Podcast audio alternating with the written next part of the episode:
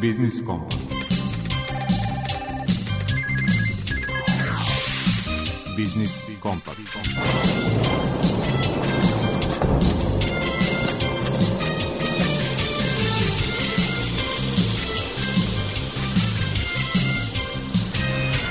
Pred mikrofonom je Đuro Vukilić. Dobar dan poštovani slušalci. Polako nam izmiče i oktobar i ekonomskih tema nikad više. No one globalne koje nas se i tekako dotiču, poput kineskog pojasa i puta, osvrnut ćemo se u narednoj emisiji, kada budu obelodanjene sve pojedinosti. A evo i tema koje smo odabrali za danas – U rubrici Aktualno govorimo o naporima drumskih prevoznika da ubrzaju prelazak granice sa Hrvatskom. Sagovornik na tu temu nam je predsjednik poslovnog udruženja Međunarodni transport Neđo Mandić. Izvršni direktor inicijative Digitalna Srbija Nebojša Bjelotomić je gost autor rubrike Iz mog ugla. Govorit će o tome kako da održimo korak u razvoju novih tehnologija sa ekonomski razvijenim zemljama i približimo ih korisnicima svih generacija. U svetu preduzetništva rukovodilac projekata u regionalnoj razvojnoj agenciji Bačka Marija Prokopić predstavlja konkurs Zavoda za ravnopravnost polova za podršku razvoju ženskog preduzetništva. Tema rubrike Predmet financije su studentski krediti i stipendije. Jelena Popović iz Narodne banke Srbije objašnjava pod kojim uslovima se koriste državni, odnosno bankarski krediti za školovanje. Propisi koji regulišu rok trajanja prehrambenih proizvoda tema su rubrike Potrošačka korpa prava i izlaganja pravnog savjetnika u Udruženju za zaštitu potrošača Vojvodine Mladena Alfirovića. I pre najavljenih tema poslušajmo i prvu muzičku numeru za danas.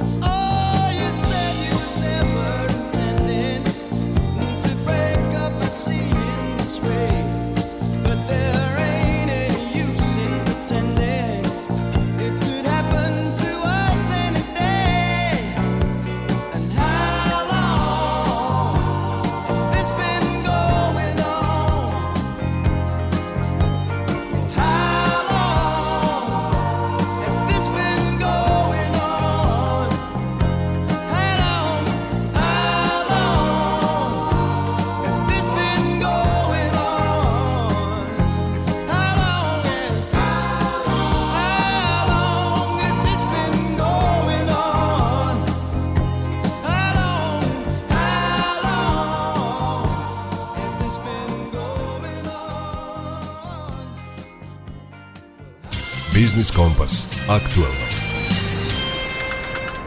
Višesetna čekanja kamiona na granicama sa Hrvatskom i Mađarskom, čak i van letnje sezone, uobičajeni su deo svakodnevnih izveštaja Automoto Saveza – O konkretnim rešenjima koja bi skratila zadržavanja teretnjaka na granicama, ovih dana su u Iloku raspravljali predstavnici prevoznika i nadležnih službi Srbije, Hrvatske i Slovenije, kaže za naš radio predsjednik poslovnog udruženja Međunarodni transport Neđo Mandić.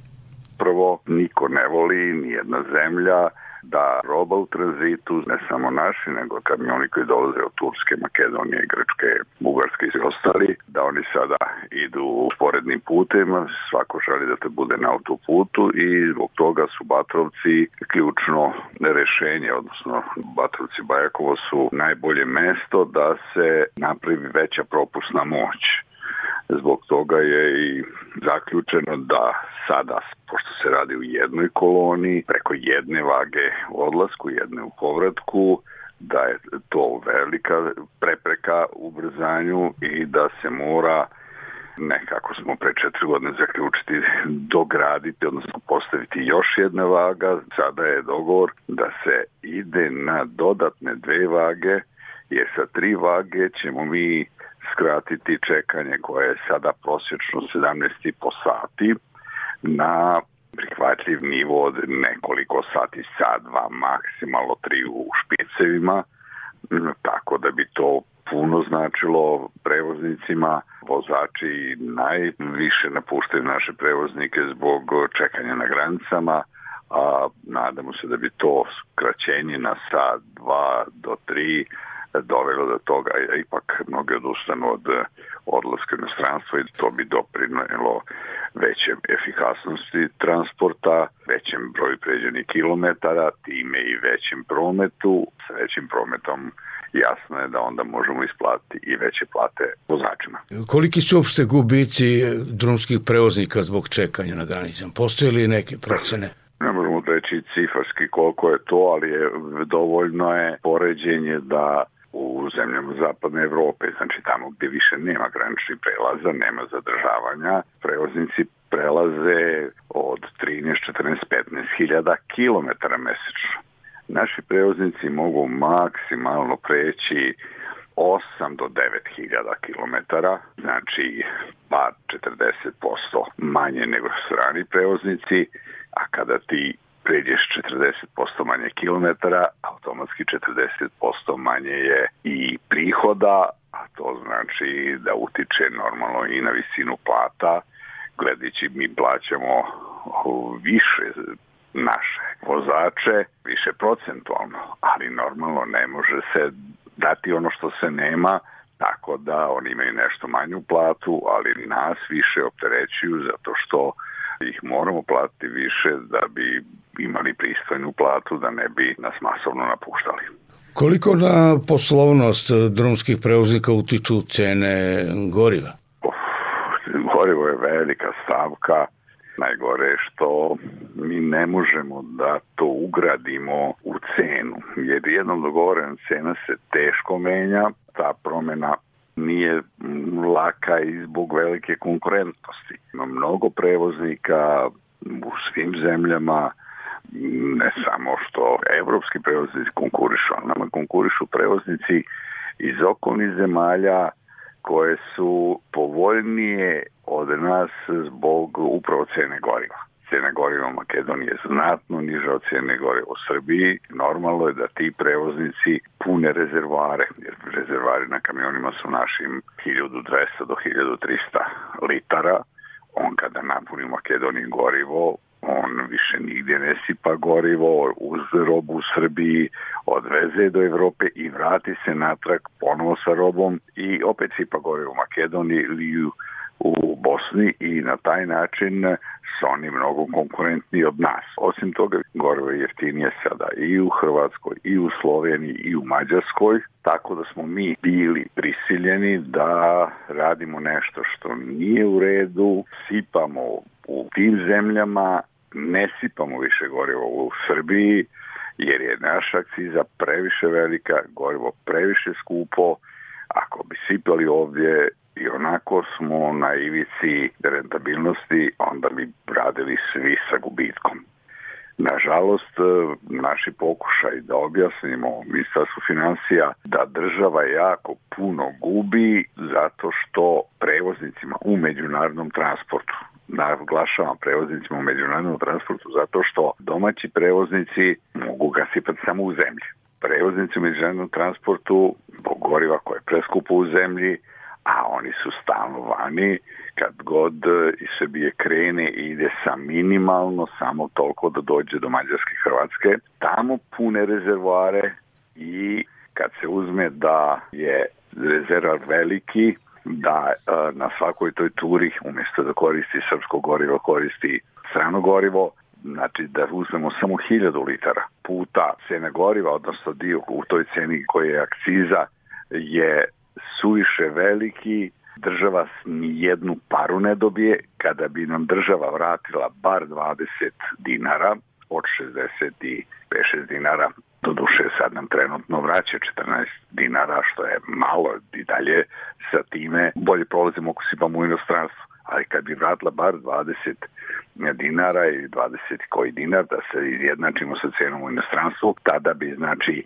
država formalno izgubila ti 20 dinara koje bi nam vratila, ali bi onda u budžetu i dalje ostalo preko 40 dinara na svaku litru usuto goriva u inostranstvu. Radi se o milionima eura gubitaka u našem budžetu samo zbog nerazumevanja države, odnosno ministarstva financija, da posebnu stavku napravi kad je u pitanju akciza za međunarodne prevoznike, što je lako kontrolisati, naše se fakture lako kontrolišu, prihodi se lako kontrolišu, tako da bi bilo koristi i za nas i za državu.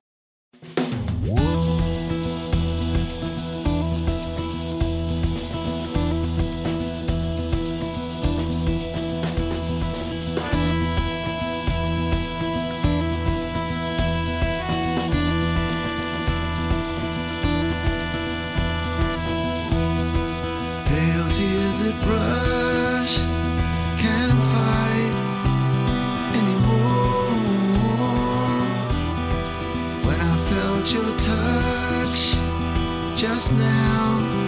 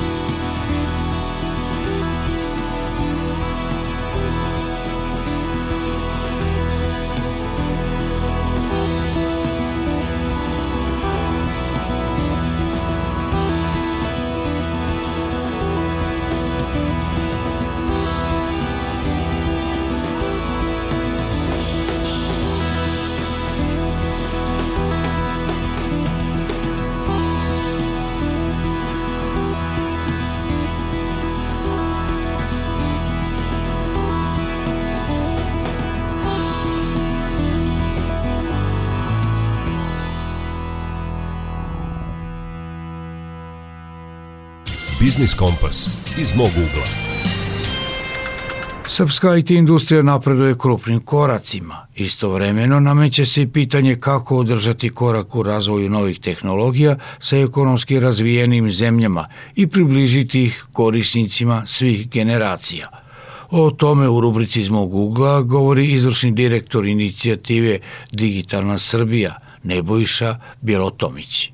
Ko stane, a prestane da se kreće, on je već izgubio trku. I to su verovatno čak i dinosaurci shvatili, ali verovatno kasno. Tako da ako pričamo o, o, o današnjim stvarima, o selskom IT-u, ima mnogo stvari da za pohvalu, ali istovremeno a, nije to razlog da se u nešto uspori ili stane. Već možda čak i jačom brzinom treba krenuti napred, jer opet a, treba biti svestan da je veliko takmičenje između tržišta, između kontinenta, između zemalja, a mnogi drugi imaju mnogo više sredstava za ulaganje u tu trku. Da, naš adut u toj trci svakako jesu sistem obrazovanja koji je dosta zasnovan na algoritamskom različenju matematici i naukama koje deca izučavaju i u osnovnoj i srednjoj školi, te mladi pametni ljudi koji su se pokazali kao dobar materijal za, za programere, za arhitekte programskih i softverskih rešenja, ali vidimo sada da tehnologija ide dalje, da idu njene neke e, specifične primjene. Veštačka inteligencija je reč od koje je teško pobeći, investitori koji se bave investicijama u, u kompanije tehnološke su 25% svog novca uložile upravo u, u taj segment. Tako da je to nešto od čega e, ne samo da ne treba bežati, već je i bitno pratiti. Takođe drugi segment koji vidimo da se e, sve više razvija, a to je biomedicina, biotehnologija, bioinformatika. To donekle i ima smisla, jer ako razmišljamo populacija koja je i dalje najmnogobrojnija na svetu je ona koja je rođena u periodu 1948. i recimo 62. Da, ta populacija ne samo da je najbrojnija, nego je malte ne stvorila ovaj svet u kome živimo i ona još uvek je vlasnik najvećeg dela kapitala. Prirodno je da a, taj kapital bude uložen u nešto što će doneti ne samo neka bolja medicinska rješenja, nego i kvalitetniju starost. Na stoga bioinformatika, biomedicina koje se bave personalizacijom zdravstvenih rešenja na osnovu podataka koje se daju skupiti o stilu života, parametrima nečeg zdravlja, jeste nešto takođe što je bitan i važan smer da se i dalje razvijamo u svemu tome. A pored napomena da je bitno nestati ne, i, nego se i razvijati, a, bitno je pomenuti i još jednu stvar kada je tehnologija u pitanju. Tehnologija ne sme biti osnov za pravljenje dubojih socijalnih i ekonomskih razlika. Ona trenutno možda to čak i jeste, zato što oni koji se dohvate, da kažemo, nekog tehnološkog posla i, i dobro se snalaže njemu, već imaju negde osigurano i dobru egzistenciju, dok ovi koji možda se nisu toliko bavili tehnologijom, vidimo da njihova zaposlenja jako često budu, kako to kažu, disruptovana, odnosno nekako se napravi neki poremeće zato što nove tehnologije dolaze, oni nisu spremni za njih. Stoga, jako je bitno da se tehnologije ne plašimo i da idemo u susret, ne samo da bi je razvijali, nego i da je koristimo. Jer a, svaka tehnologija koja dođe nije ništa novo, nego unapređenje nečega čega smo već navikli. Stoga budite hrabri, koristite tehnologiju. Pominje sada chat GPT, raznorazne druge stvari, računare koje govore s vama. To su i dalje samo mašine koje imaju puno informacija. One već decenijama imaju više informacija od običnog čoveka, ali dalje možemo reći da je čovjek pametniji. Stoga, tehnologija treba ići sus, tehnologijom treba se baviti u smislu biti njen korisnik i uh, pristupati joj bez zadrške i na taj način držati, uh, da kažemo, i trend i, i držati neki pravac tehnologija nameće kako bismo ostali uključeni u ono što i ekonomija, industrija i društvo donose. Jer zaista e, je velika prilika ovo sad što se dešava sa tehnologijom, ali samo ako se njome bavimo i ako je ona nešto što je naš prijatelj i saveznik s kojim se mi osjećamo komotno. Kako da je pravimo, tako da je koristimo. Tako da su nam obe stvari bitne u, u populaciji i to da budemo neko ko razmišlja kako napraviti novu tehnologiju, ali i biti spreman da tu novu tehnologiju koristimo možda među prvima kako bismo dobili neku prednost odnosno na one koje smo već pomenjali, a koje su takmaci, a to su druge zemlje, drugi regioni, drugi kontinenti.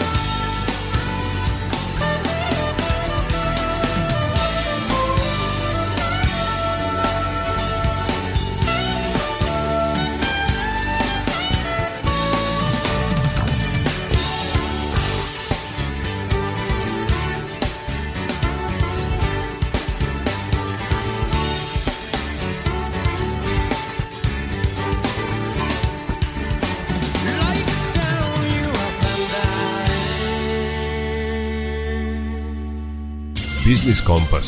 Svet preduzetništva. Zavod za ravnopravnost polova raspisao je javni poziv za dodelu bespovratnih sredstava za podršku razvoju i afirmaciji ženskog preduzetništva. O uslovima poziva u rubrici Svet preduzetništva govori rukovodilac projekata u regionalnoj razvojnoj agenciji Bačka Marija Prokopić.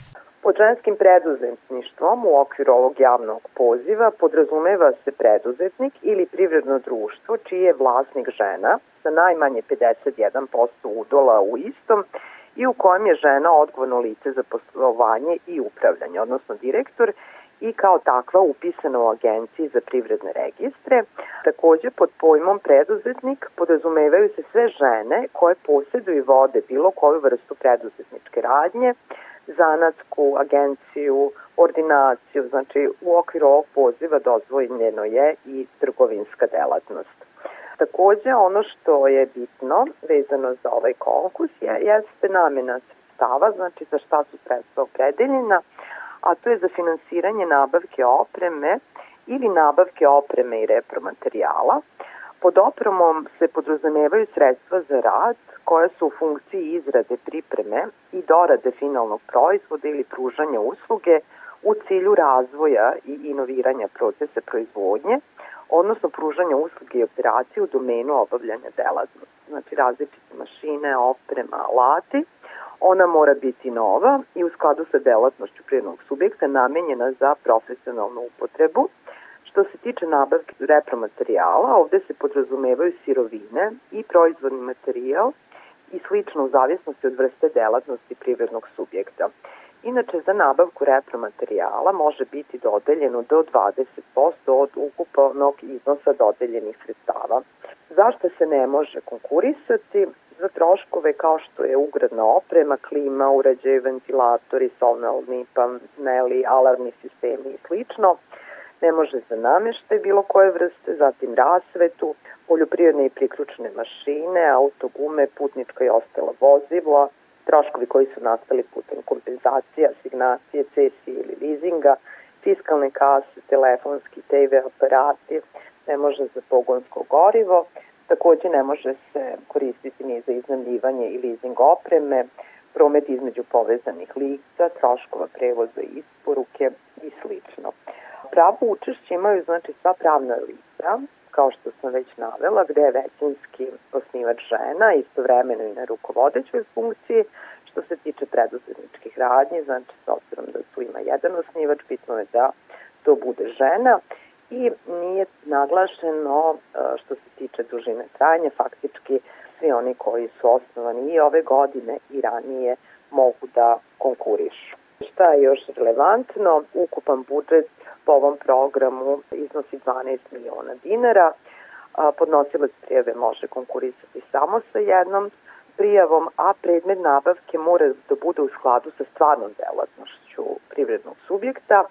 Isto tako bitno je da dobavljač opreme mora biti domaće pravno lice koje je ovlašćeni proizvođač opreme ili uvoznik, odnosno ovlašćeni distributer opreme, Bespovratna sredstva će biti dodeljena u visini do 100% traženog iznosa, bez zavisnih troškova nabavke, transporta, usluga instalacije, obuka za korišćenje i tako dalje.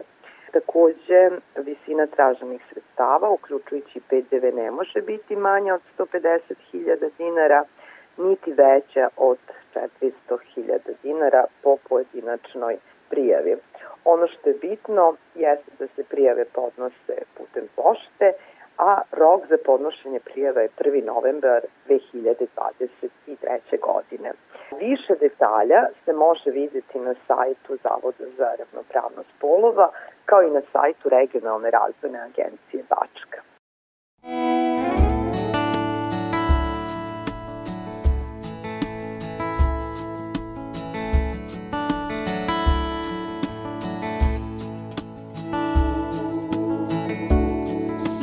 Sleepless nights aren't so bad. I'm staying up, I'm staying sad. I don't want anything to change. I don't want anything to change. Like it lonely, I don't want anything to change. You left a mess, you're everywhere. But pick it up, but I don't dare. I don't want anything to change. I don't want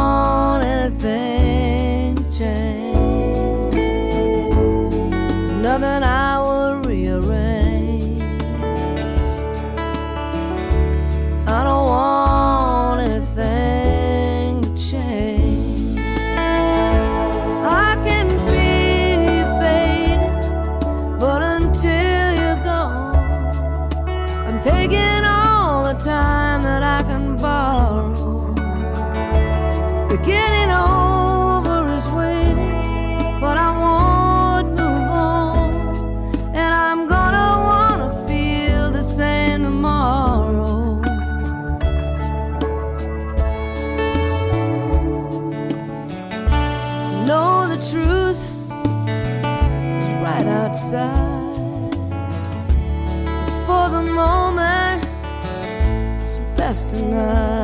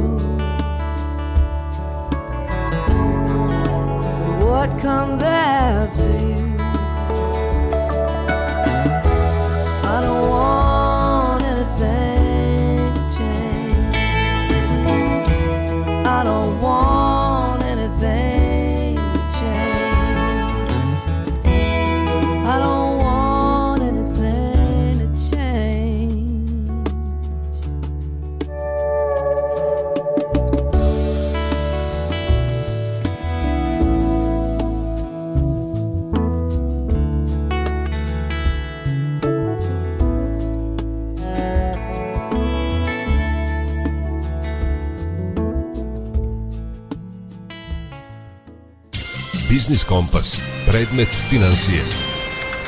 Tema rubrike Predne financije su studentske stipendije i krediti koje odobravaju država ili poslovne banke. Pod kojim uslovima se odobravaju i na šta treba da obrate pažnju svršeni akademci, objašnjava Jelena Popović iz sektora za zaštitu korisnika finansijskih usluga u Narodnoj banci Srbije. Da prvo pođem od e, studentskih kredita koji se finansiraju iz budžeta Republike Srbije.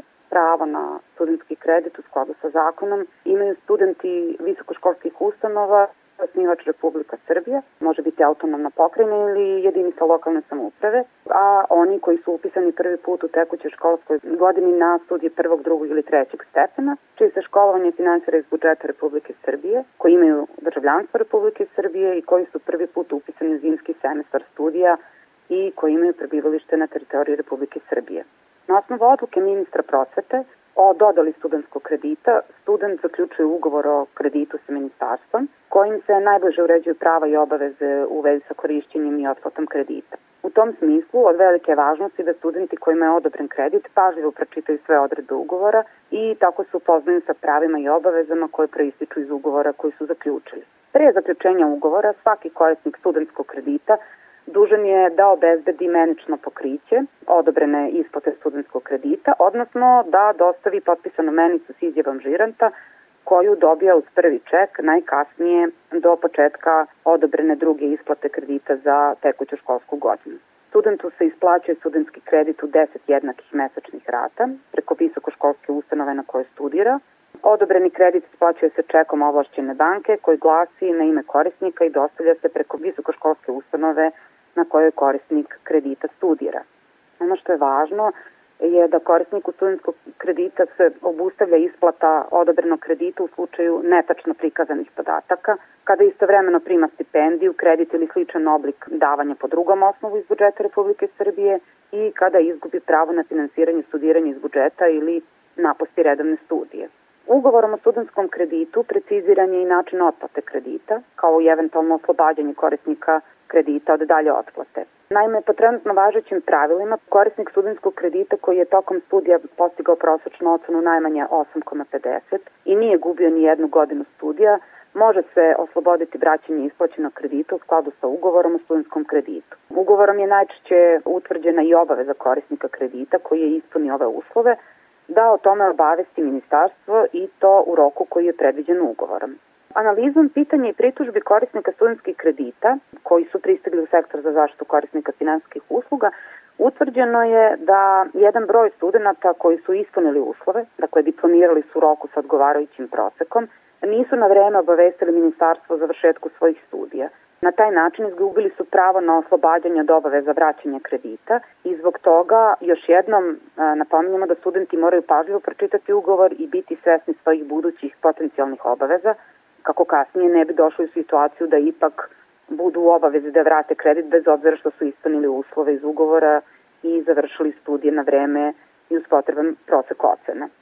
Korisnici studentskih kredita se obraćaju Narodnoj banci Srbije jer smatraju da su oštećeni od strane banke preko koje je vršena isplata kredita i treba da znaju dakle da se studentski kredit odobrava od strane države, to je Ministarstva prosvete, tako da je država, ne banka, poverilac kome se duguju novčana sredstva dobijena na ime tog kredita, uz eventualnu dospelu kamatu. Shodno tome, banka nema osnova da na bilo koji način reguliše pitanje načina otplate dospelog duga, otpisa kamate ili tome slično, Tako da svi koji smatraju da su oštećeni treba da se obrate Ministarstvu prosvete, nauke i tehnološkog razvoja Republike Srbije i proslede im na razmatranje svoj prigovor ili molbu.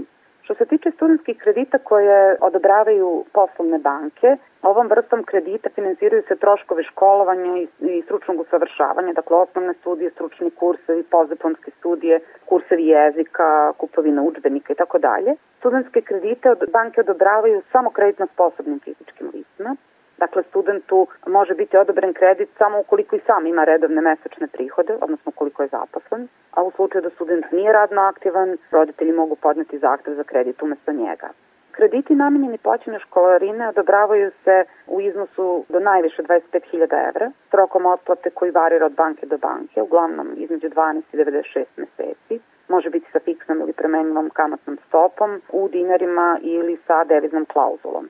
Ovi krediti su uglavnom bezgotovinski, isplaćuju se na bazi profakture, to je predračuna koji student ili njegovi roditelji dostavljaju poslovne banci. Profakturu izdaje obrazovna ustanova na čiji račun se novčana sredstva na ime kredita uplaćuju. Pojedine banke nude kredit sa rokom otplate dužem od očekivanog vremena studiranja kako bi studenti koji umeđu vremena diplomiraju i postanu radno aktivni mogli i sami da nastave otplatu. Naš savjet je da prikupite informacije o uslovima odobravanja kredita za školarinu i to od više banaka, uporedite ih kako biste procenili šta ono što najviše odgovara vašim potrebama i mogućnostima. Treba da znate da krediti indeksirani u stranoj valuti nose rizik promene kursa i ono najvažnije, plaćajte vaše obaveze po kreditu na vreme, da se ne biste nepotrebno izlagali troškovima na ime zatezne kamate u slučaju dosne.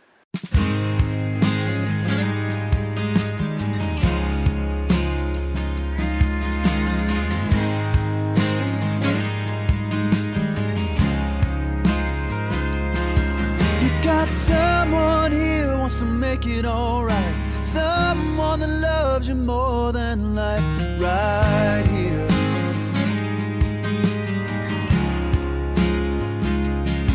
You got willing arms that'll hold you tight, a hand to lead you on through the night, right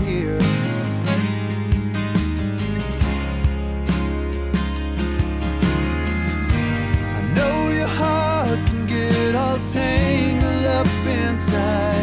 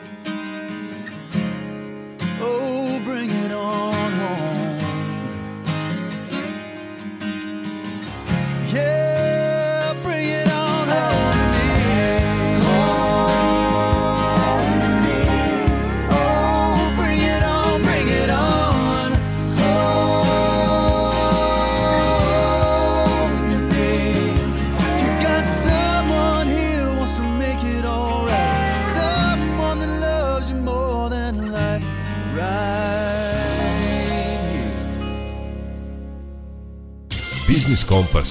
Potrošačka korpa prava. Sve više trgovaca nudi popust na prehrambene proizvode kojima u bliskoj budućnosti ističe rok upotrebe. Propisi koji regulišu to tema su rubrike Potrošačka korpa prava i izlaganja pravnog savjetnika u Udruženju za zaštitu potrošača Vojvodine Mladena Alfirovića. Ono što je jako bitno napomenuti jeste da prema zakonu o zaštiti potrošača, kad je u pitanju odgovornost proizvođača i trgovca za stavljanje u promet određenih prehrambenih proizvoda, ne mogu se primeniti ista ona pravila koje važe za, za svu ostalu robu, gde je recimo rok u kom trgovac odgovara za saobraznost dve godine. Dakle, kad je u pitanju hrana, rok je određen onim što je proizvođač naveo na ambalaži. Dakle, ako je rok upotrebe proizvoda definisan u danima ili mesecima, trgovac koji stavlja u promet određenu e, hranu, odgovara da ta hrana mora ispunjavati sve kriterijume kad je u pitanju zdravstvena ispravnost, be- bezbednost, skladištenje i slično u tom roku koji je na ambalaži naveden kao rok upotrebe. Hrana koja je na bilo koji način smanjena upotrebna vrednost u smislu da se bliži istek roka mora biti prema zakonu o oglašavanju posebno izdvojena i obeležena. I tu treba da razlikujemo dve situacije. Imamo onu čuvenu izjavu navedenu na ambalaži koja glasi najbolje upotrebiti to. Dakle, to znači da proizvođač preporučuje da ta hrana ima i garantuje njena e, svojstva do datuma koji navede na ambalaži, odnosno na pakovanju. To znači da ako se ta hrana konzumira i nekoliko dana nakon toga, ona je i dalje zdravstveno ispravna i zdravstveno bezbedna za konzumaciju strane potrošača, ali možda nema sva ona nutritivna svojstva koja bi imala da je iskorišćena u tom roku koji je proizvođač naveo. Dakle, tu govorimo o onoj situaciji gde je na ambalaži navedena izjava najbolje upotrebiti to. Hrana koja ima jasno definisan rok trajanja, koja recimo mora da se iskoristi do određenog datuma, nakon toga gubi svoja svojstva i prosto reč o kvarljivoj robi, konzumacija te robe može ugroziti zdravlje i bezbednost potrošača, e ta hrana se pred istek roka obeležava kao roba koja je smanjena upotrebna vrednost i ona kod određenih trgovačkih lanaca se može pazariti po znatno povoljnijim cenama koje se kreću od 30 do 50% sniženja. Dakle, to je neki potez koji nije, kako da kažem, prisutan kod svih trgovačkih lanaca, ali oni koji praktikuju tu praksu na taj način pokušavaju da prodaju što veću količinu robe koja je i dalje zdravstveno ispravna i bezbedna, ali kako se bliži taj istek roka, svakako je bolje da se ta roba proda po nižim cenama nego da se posle baca i uništava u skladu sa procedurama koje propisuje zakon o bezbednosti hrane. To je takođe mogućnost i potrošačima koji imaju niži standard i sa manjim primanjima da kupe tu robu po povoljnim cenama. I svakako taj potez određenih trgovačkih lanaca pozdravljamo kao potrošačka organizacija i pozivamo i ostale trgovačke lance koji se nisu uključili u ovaj vid prodajnog posticaja da i oni slede tu praksu. Dakle, kad je u pitanju generalno hrana, velika količina hrane se zbog isteka roka baca, a postoje raznorazni načini da se ona bolje iskoristi i da na neki način potrošači koji nemaju mogućnost da tu robu kupe po redovnim cenama, kao što su neki SOS marketi koje smo imali prilike da vidimo u prethodnim e, godinama, da eventualno se razmisli u tom nekom potezu. Ono što je ključno kad je u pitanju hrana, dakle imamo zakon o bezbednosti hrane, imamo zakon o oglašavanju, hrana koja je smanjena upotrebna vrednost, koja je pred istek roka, dakle mora posebno da se označi, posebno da se obeleži i da ta izjava o procentu sniženja bude posebno naznačena na ambalaži i da se navede razlog tog sniženja. Dakle, pred istek roka trajanja ili nešto slično što se vezuje za sam rok. To je generalno način da, da potrošači dodatno uštede, a i da trgovci ne moraju posle da vraćaju tu hranu dobavljačima i proizvođačima i da je uništavaju, već da se ona ipak proda po nekim nižim cenama. It's outrageous to line your pockets off the misery of the poor. Outrageous the crime some human beings must endure. It's a blessing to wash your face in the summer solstice rain. It's outrageous a man like me stand here and complain, but I'm tired. 900 sit-ups a day. I'm painting my hair the color of mud, mud, okay?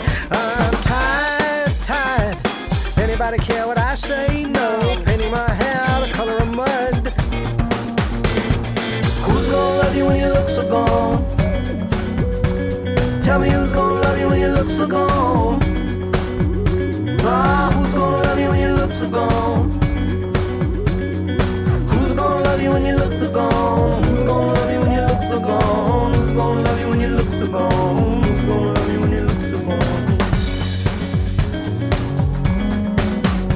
It's outrageous the food they try to serve in the public school. Outrageous way to talk to you like you're some kind of clinical fool. It's a blessing to rest my head in the circle of your love. It's outrageous. I can't stop thinking about the things I'm thinking of, and I'm tired. 900 sit-ups a day. I'm pinning my hair the color of mud and mud, okay? I'm tired, tired. Anybody care what I say? No, painting my hair the color of mud. Who's gonna love you when you look so gone? Tell me who's gonna love you when you look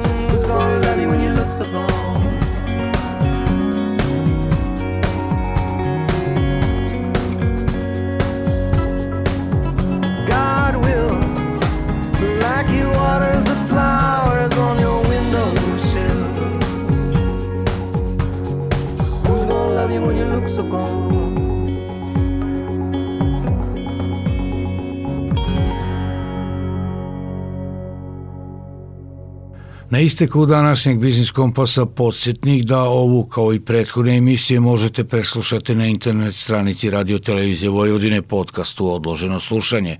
Muzički urednik Zoran Gajinov, ton majstor Marica Jung i urednik emisije Đuro Vukelić vam žele ugodan nastavak posle podneva uz Radio Novi Sad. Zdravi bili i čuvajte se.